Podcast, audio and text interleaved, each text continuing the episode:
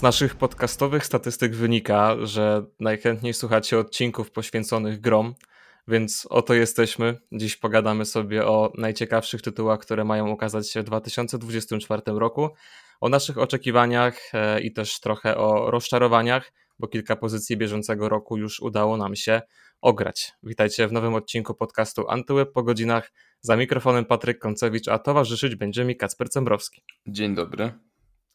Mm, pamiętam jak w grudniu robiliśmy takie całoroczne podsumowanie tych tytułów, które ukazały się w 2023 i pod koniec odcinka tak delikatnie wspomnieliśmy o tych grach, na które w bieżącym roku czekamy. I tam padł tytuł Legionu Samobójców, Śmierć Sprawiedliwości, cóż za długa nazwa.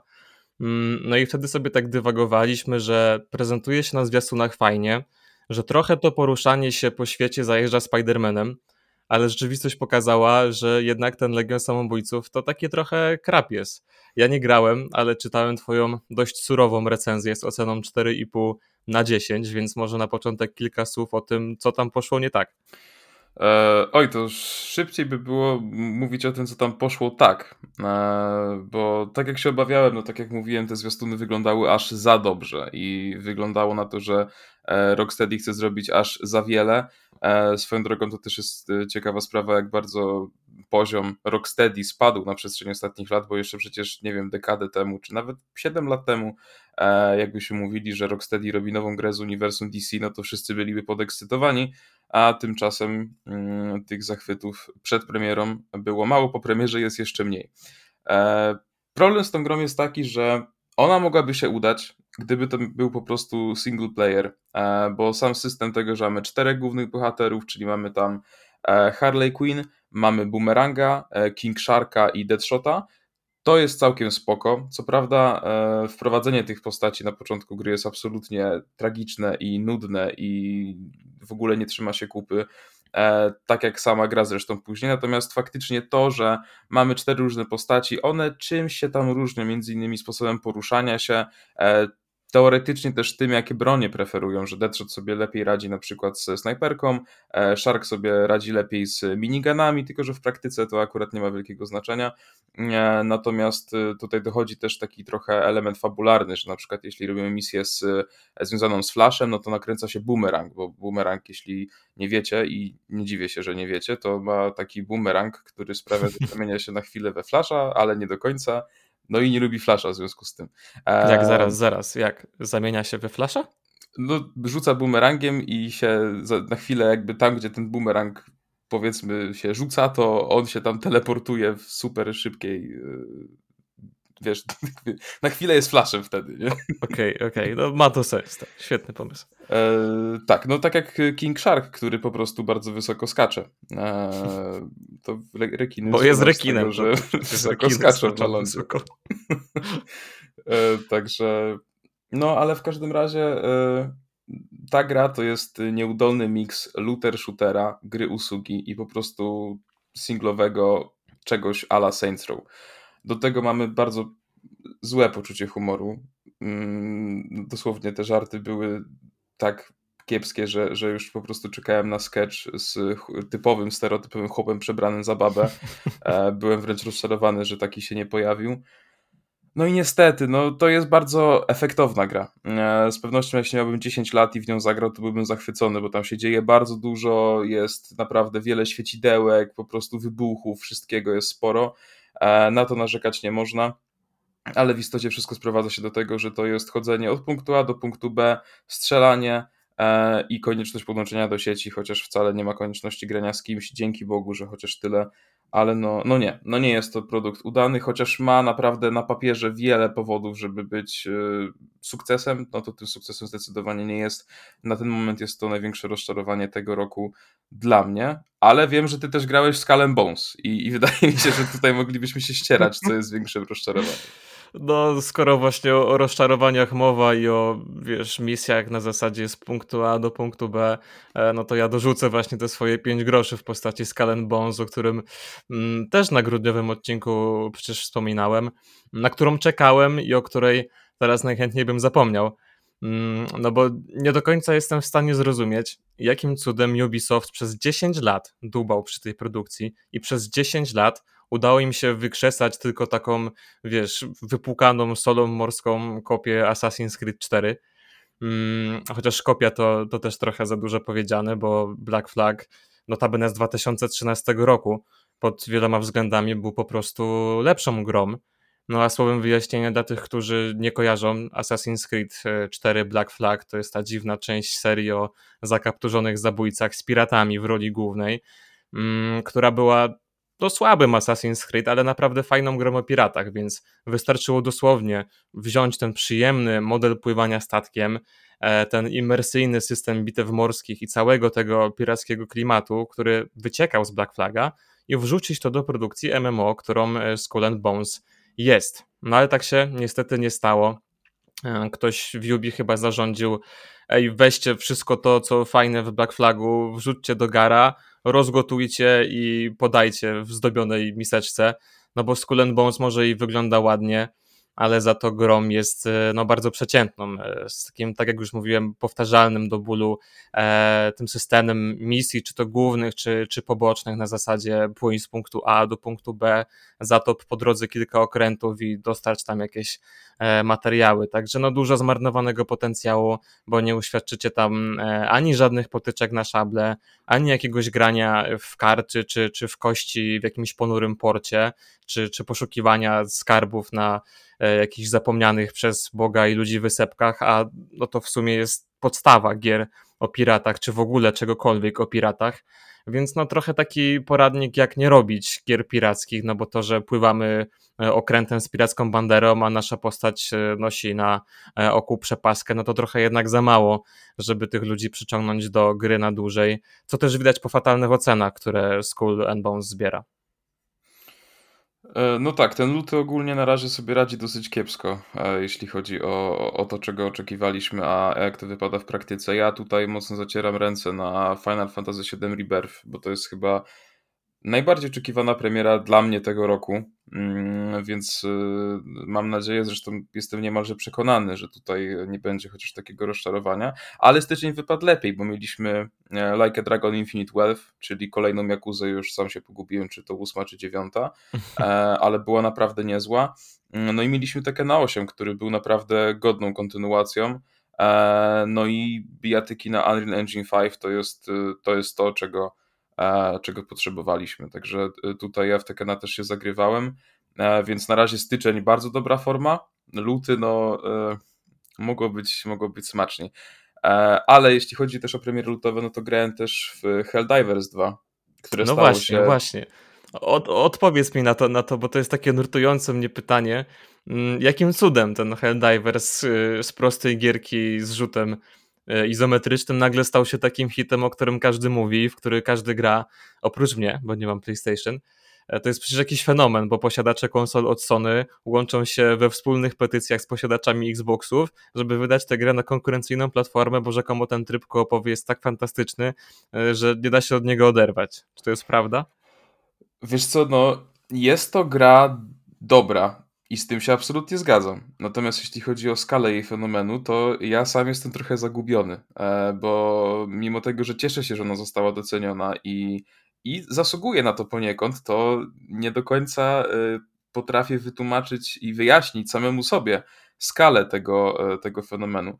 E, faktycznie Helldivers 2, ja też w recenzji pisanej użyłem takiego określenia, że to jest e, nieślubne dziecko Dark Soulsów z Destiny i uważam, że mhm. to, to bardzo dobre określenie, bo e, no to jest sieciowy looter shooter, tylko że zdecydowanie trudniejszy i trochę bardziej toporny. To nie jest jakiś zarzut, bo do tego sterowania da się przyzwyczaić, chociaż na początku można mieć lekkie problemy. W każdym razie, no ja za pierwszym razem, jak to odpaliłem, to grałem solo i jak y, wybrałem sobie misję, poleciałem na planetę, po czym zostałem zabity pięć razy w ciągu trzech minut przez hordę robali, to byłem bardzo mocno zmieszany i nie wiedziałem do końca e, o co chodzi, bo w ogóle nie zdążyłem wzywać tych manewrów, czyli e, albo mm, amunicji spadającej nam z nieba, e, albo jakiejś salwy powietrznej i tak dalej, więc no, byłem absolutnie po prostu w szoku i nie wiedziałem jak wyjść z opresji, natomiast potem jakby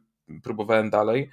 Połączyłem się też ze swoim przyjacielem, który gra na PC i, i faktycznie no w koopie jest to już dużo ciekawsze. Co prawda mm, jest y, friendly fire, także śmiesznie, bo można się zabijać też nawzajem, e, co ogólnie jest dosyć zabawne, e, jak to się zrobi kilka razy, e, ale jest mniej śmieszne, kiedy jesteś na misji na poziomie trudnym i okazuje się, że tych respawnów bardzo szybko znika i, i, i jakby taka pomyłka, że, że ktoś ci wejdzie na linię ognia jest tragiczna w skutkach.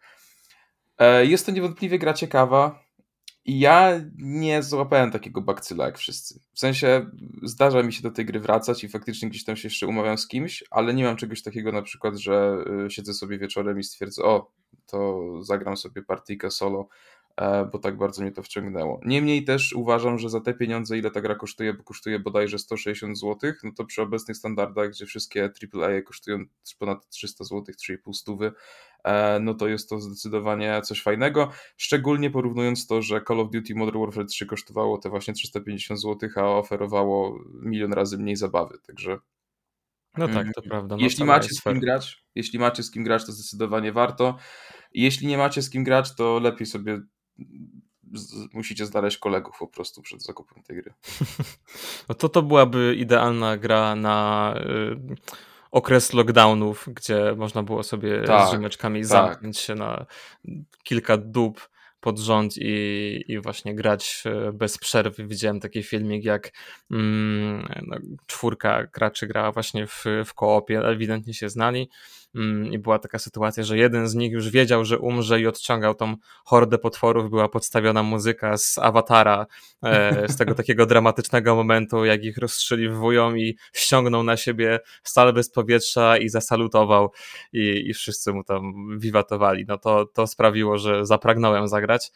Mm, no ale niestety na, na Xboxa tego jeszcze nie ma. No i ciekawe, ciekawe, czy, te wszystkie prośby, petycje e, i błagania e, spowodują, że wydadzą w końcu na, na konsolę Microsoftu tą grę. Jak Trzymam kciuki, bo mam nadzieję, że tak, bo to jest naprawdę. Yy...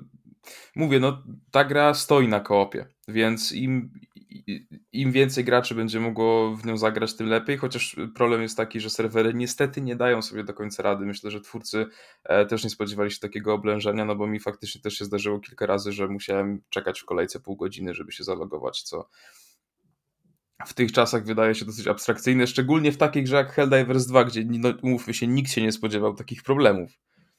No ja, ja słysząc tą nazwę gdzieś tam, e, jak przeglądałem sobie te, te premiery na 2024 rok, to w ogóle ten tytuł pominąłem.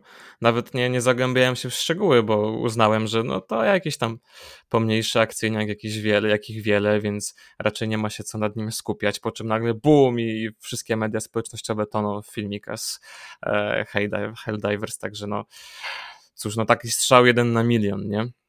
Tak, tak. No, no. Także Zaczęliśmy ten rok e, z takim małym zgrzytem, z jakimiś pojedynczymi perełkami, mm, no ale nie ma się co załamywać, bo na horyzoncie też jest kilka fajnych tytułów, chociaż chyba zgodzisz się, że ten rok no raczej nie obfituje w jakieś gigantyczne hity, raczej bym powiedział, że tak no trochę ogórkowo, nie? Zwłaszcza w porównaniu do tego zatrzęsienia mocnych tytułów w ubiegłym roku.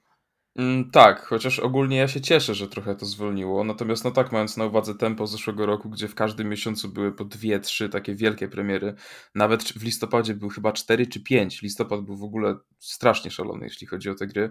No to teraz jest trochę wolniej i, i spokojniej. Ehm, chociaż z drugiej strony, no mimo wszystko no w styczniu mieliśmy, tak jak mówiłem, to Yakuzę czy Tekena. To nie są jedyne gry, ale to są takie największe gry. E, teraz w lutym mamy e, już wspomniane przez nas Suicide Squad i Skull and Bones i także Final Fantasy Rebirth, które e, wkrótce będzie. Jeszcze przecież było Mario vs. Donkey Kong na Switcha, więc trochę się tego dzieje, ale, ale no mimo wszystko w porównaniu do tego, co było w zeszłym roku, to na szczęście jest nieco, nieco spokojniej. No to przechodząc już do, do głównego tematu odcinka, mm, zacznę sobie od gry, która no już za moment, bo za miesiąc, e, czyli Rise of Runin, czyli takim kolejnym ekskluzywie na PS5. E, to jest gra od twórców Ninja Gaiden, która zabierze nas do XIX-wiecznej e, Japonii, no bo gier o szatkowaniu wrogów kataną nigdy dość. Wygląda trochę jak, jak dziecko Sekiro i Assassin's Creed, i to ze wszystkimi zaletami i wadami tych produkcji. To znaczy, wygląda bardzo ładnie, e, na pewno będzie dawać dużo swobody poruszania się po lokacjach i eksploracji. E, model walki też wygląda całkiem satysfakcjonująco, ale już po tych pierwszych fragmentach rozgrywki, które gdzieś tam latają po sieci, widać, że e, AI przeciwników jest skopane jak w każdym Assassin's Creed i dopóki nie zaczniesz strażnikowi machać mieczem przed nosem, no to się nie zorientujesz, że coś jest nie tak. Nie wiem, czy, czy widziałeś już może?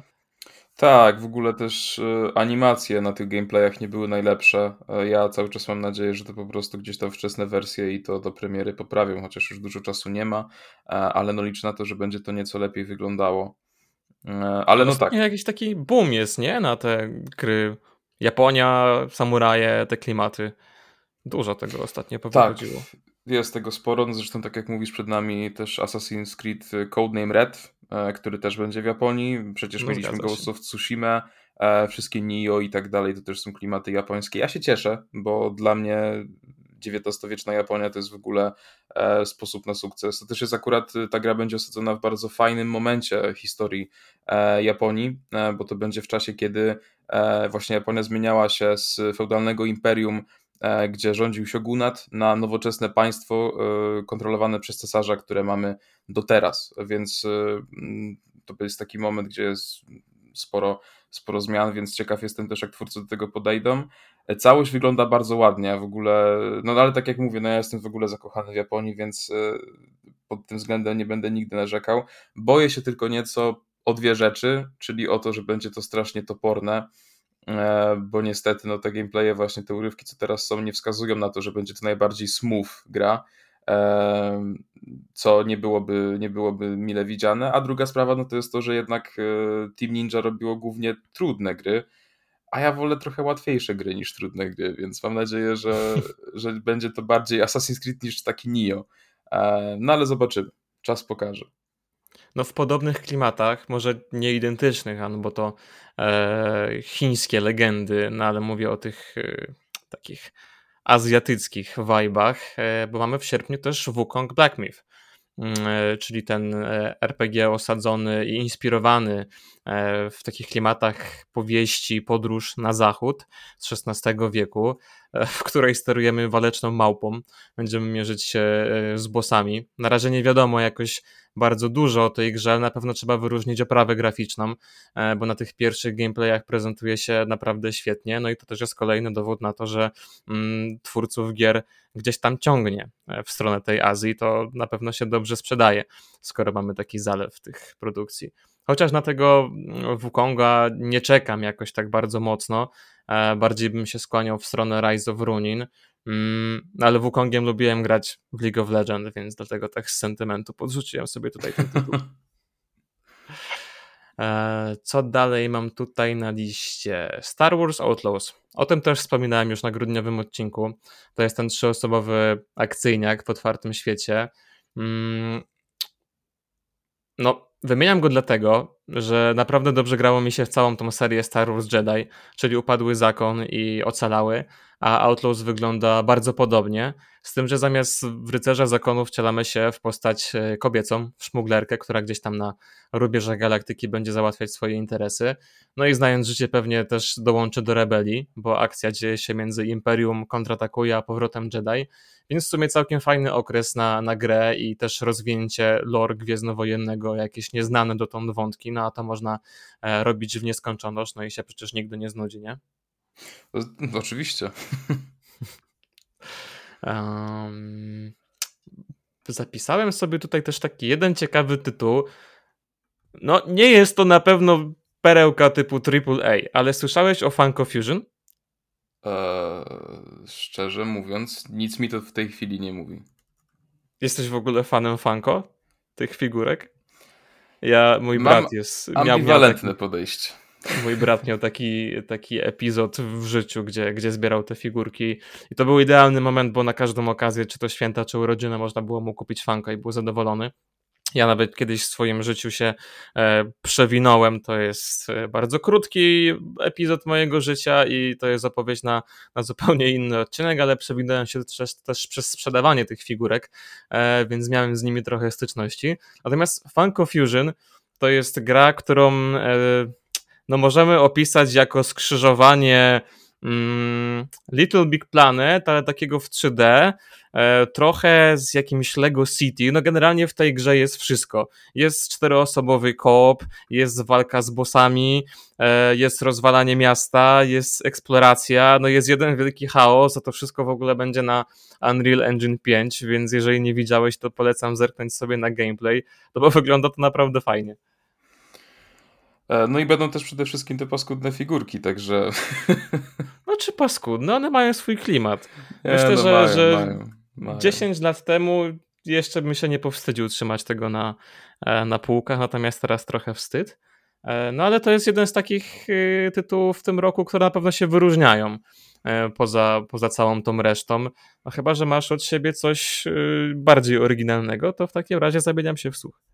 E, wiesz co, no ja też jestem ciekaw tych Star Warsów, o których wspomniałeś. Co prawda mam sporo obaw, bo robi to Ubisoft, a, a nie EA, tak jak te, te Star Wars Jedi i no z grami Ubisoftu różnie bywało w ostatnich latach, różnie bywało nawet w tym miesiącu. E, mam jednak nadzieję, że tutaj staną na wysokości zadania i będzie to faktycznie tak jak jest to, e, no nie przez EA, a znaczy fu, nie przez Ubisoft, ale przez graczy reklamowane, że to będzie GTA w świecie Star Warsów. E, bardzo bym sobie tego i nam wszystkim życzył. Mm. Chociaż tak samo powątpiewam. E, ciekawi mnie też Dragon's Dogma 2. Co prawda jedynka mnie ominęła, jedynka to jest w ogóle gra, która została doceniona po czasie. E, dwójka ewidentnie jest na tyle ten balonik pompowany, że na pewno dostanie ta gra szansę od samego początku. E, jestem tego ciekaw, chociaż raczej będę bardziej obserwatorem niż tym, który stwierdzi, czy, czy jest to produkt udany i godna kontynuacja, czy nie. No i grom, która mnie również bardzo ciekawi, ale której e, raczej nie sprawdzę z tego względu, że nie będzie na PlayStation. To jest Stalker 2. E, jak wiemy, no tutaj było bardzo dużo problemów y, w procesie powstawania tej gry, mm, związanych między innymi z tym, że tworzy to ukraińskie studio e, od kilku dobrych lat, mm, więc z wiadomych względów przez y, wojnę, którą Rosja wypowiedziała, no to, to były komplikacje. Natomiast wreszcie po tych wszystkich kłopotach 5 września E, gra ma się już ostatecznie ukazać. No i jestem bardzo ciekaw, bo jednak Stalker to dla wielu graczy jest produkcja absolutnie kultowa. Może nie jak Gothic, ale wydaje mi się, że większość polskich graczy w Stalkera kiedyś grało. E, ta dwójka, no oczekiwania były wielkie, pierwsze trailery były też wspaniałe, potem się to trochę wszystko rozmyło, bo nawet na Gamescomie w zeszłym roku, e, jak były tam jakieś demko, no to ponoć działało po prostu tragicznie. Mm, ale miejmy nadzieję, że jednak to, to będzie miało ręce i nogi e, w dniu premiery. No i to będzie też w Game Passie, także wszyscy zainteresowani, którzy mają abonament od Xboxa, będą mogli sobie to sprawdzić. No, nie chcę e, siać plotek, ale wydaje mi się, że tam też nawet była taka sytuacja, że część ekipy deweloperskiej e, od Stalkera ruszyła na, na front i z tego frontu niestety chyba nie wróciła, nie? Wiesz co, aż tak się w to nie zagłębiałem, ale no tak jak mówię, no wiem na pewno tyle, że bezpośrednio e, ruszyło to twórców gry, e, co no nie jest e, absolutnie żadnym szokiem. E, także no, no jest to nieciekawa nie, nie sytuacja, no miejmy nadzieję, że jednak wszystko poszło po ich myśli.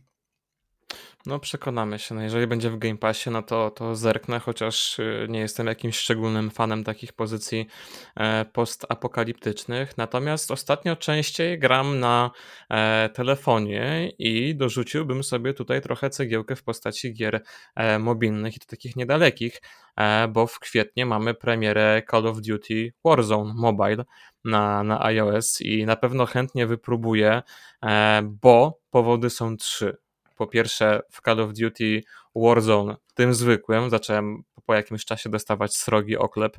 E, po drugie, masa cheaterów w tym momencie, zwłaszcza teraz po tej awarii systemu Ricochet. E, nie wiem, czy śledziłeś, ale to, co się tam dzieje, to jest jakiś absurd. Oni latają w powietrzu, strzelają z podziemi, wchodzą w takie kręcące się wiry i są nieuchwytni zupełnie, więc jeden wielki bałagan w tym Warzone. Mm, a trzeci powód jest taki, że e, ta gra wygląda na smartfonach naprawdę dobrze, e, bo część graczy chyba już ze Skandynawii ma, ma dostęp do tej mobilnej wersji. Mm, jest kilka fajnych smaczków w postaci na przykład e, możliwości strzelania w broń, która już leży na, na ziemi. Trochę inaczej wyglądają tekstury, ładniej, przynajmniej tak na pierwszy rzut oka. Trochę inne animacje trzymania broni, takie bardziej realistyczne, bardziej immersyjne. Więc ja mam w planach podłączyć sobie pada po prostu do iPhone'a i spróbować swoich sił na nowo w Warzone, bo swego czasu, e, no jeszcze właśnie w momencie lockdownu bawiłem się fantastycznie w tej grze, no a później to niestety zeszło na psy, więc jeżeli mobilka ma powrócić trochę tych miłych wspomnień, no to ja chętnie wypróbuję. E, no a przecież gierki mobilne teraz e, no już nie są tylko jakimiś Angry Birdsami, w które sobie pykamy gdzieś tam w kolejce do lekarza, tylko mieliśmy niedawno premierę Death Stranding, na iOS, jeszcze wcześniej Resident Evil Village, e, w które grałem i, i naprawdę fajnie się to sprawdza. No co prawda nie utrzymuje takiej ilości FPS-ów, jakiej moglibyśmy oczekiwać po e, no, grze, która miałaby działać ultra płynnie, ale graficznie e, działa to super. Jeżeli chodzi o sterowanie, też jest całkiem przyjemne. Miałem taką sytuację, wracając z któregoś eventu zagranicznego, że nie zgrały mi się piosenki w ogóle na, na playlistę. Wszystkie książki, które miałem ze sobą, miałem już przeczytane. Jedyne, co mi zostało, to właśnie ten Resident Evil Village, więc no tą sześciogodzinną podróż, którą miałem przed sobą, no to ta gra e, sprawdziła się idealnie. Co prawda na iPhone mogłem e, usmażyć jajka, bo był taki rozgrzany. Mm, no ale to pokazuje, że ten e, rynek gier mobilnych E, no, ma przed sobą naprawdę fajną przyszłość, no bo jeszcze przecież na horyzoncie mamy e, Assassin's Creed Mirage, które prawdopodobnie ukaże się w tym roku. E, no i te pierwsze doniesienia mówią, że ta gra jest też całkiem fajnie zoptymalizowana pod kątem smartfonów, oczywiście tych mocniejszych. Więc ja głęboko w ten rynek wierzę i, i na pewno na ten 30 kwietnia, bo bodajże wtedy Warzone Mobile trafia na, na polski iOS, no to czekam dość mocno. No ja jeśli chodzi o gry mobilne, to mm, bardziej jednak sięgam po te Angry Birdsy, e, o których wspomniałeś, jednak to mnie bardziej przekonuje. E, chociaż ogólnie no, to, co się dzieje teraz z iPhone'ami w stylu właśnie te Resident Evil czy, czy Death Stranding, to brzmi bardzo dobrze i, i w sumie fajnie, że płacąc tyle pieniędzy za telefon możemy sięgnąć po mm, takie gry, no to jednak ja mam do tego trochę ambiwalentne podejście, jednak wolę wziąć pada w rękę, odpalić konsolę i zagrać to tak jak, e, tak jak Bóg przykazał.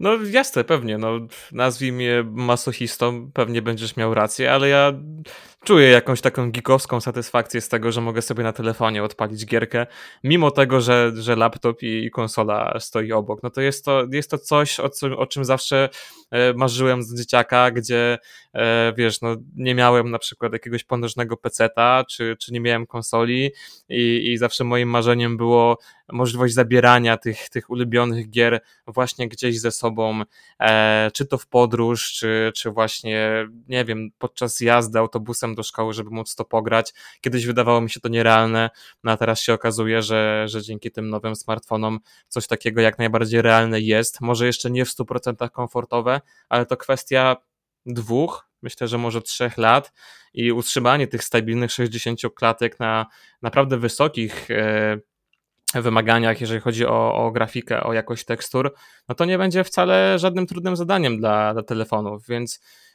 biorąc jeszcze pod uwagę to, że, że takiego smartfona można sobie na przykład podłączyć pod monitor czy pod telewizor, no to dla niektórych osób, dla tych, które są mniej wymagające, e, taki iPhone czy to będzie 17, czy jakieś 18 Pro, będzie po prostu mógł pełnić rolę konsoli, nie? Tak, to zdecydowanie. No pewnie tak jak mówię, no lepiej mieć taką możliwość niż e, niż jej nie mieć. E, natomiast no ja jednak e, ja jednak sięgam po, po bardziej konsolowe tytuły. Mnie jeszcze ciekawi The Wolf Among Us 2, ponieważ jedynka była jedną z lepszych gier od Telltale i, i naprawdę mm, bardzo fajną grą z tego cyklu, że w sumie tylko wybieramy opcje dialogowe, ale jednak e, bardzo mi się to spodobało. No i też w tym roku mamy dostać Frostpunka 2, czyli kontynuację polskiej gry, E, i Hadesa dwójkę. Na fenomenie Hadesa chyba nikogo przekonywać nie trzeba, bo ta gra to też jest jedna z tych, która e, no tak naprawdę ludzie, którzy w ogóle nie grają, to, to dla Hadesa sięgnęli popada, czy e, usiedli przed klawiaturą i myszką, e, więc wydaje mi się, że to też może być dosyć duża e, premiera. Także w sumie jak tak teraz myślę, jak sobie tak powymienialiśmy się tymi tytułami, to jednak trochę tych gier w tym roku też wychodzi. No tak, tak, to prawda, ale nie takiego kalibru jak jakieś Diablo czy, czy Starfield, tak jak w zeszłym roku, więc no to jest taki powiedzmy sobie porządny rok nie jakiś mega hitowy, ale porządny. E, co do Hadesa, to, to raczej nie czekam jakoś bardzo mocno, bo od tego się odbiłem, mimo że mój brat bardzo mocno mnie do tej pozycji zachęcał. Natomiast e, Frostpunka na pewno wypróbuję, bo, bo przy pierwszej części bawiłem się świetnie. Kiedyś myślałem, że no może nazwanie tego grą strategiczną e, nie będzie w 100% poprawne, ale kiedyś wydawało mi się, że takich RTS-ów nie, nic mnie przekona bardziej do siebie niż Age of Empires, które kocham z całego serca i właśnie Frostpunk to jest jedyna taka gra, powiedzmy quasi strategiczna, która przyciągnęła mnie e, na dłużej i przy której naprawdę momentami miałem mm, takie moralne dylematy, e, bo ta gra e, stawia przed graczem naprawdę dużo wyzwań, czy, czy poświęcić no, swoich robotników, którzy jednak ciążą na, ciągną na swoich barkach życie całej osady, czy, czy przekazać na przykład jakieś materiały, czy, czy żywność dla bezdomnych sierotek, które głodują gdzieś tam na samym końcu naszej kolonii. To była trudna sprawa, więc jeżeli ten, ten potencjał jeszcze bardziej rozwiną e, i pociągną to, to mocniej w tą stronę, no to myślę, że Frostpunk 2 będzie naprawdę fajnym hitem w tym roku.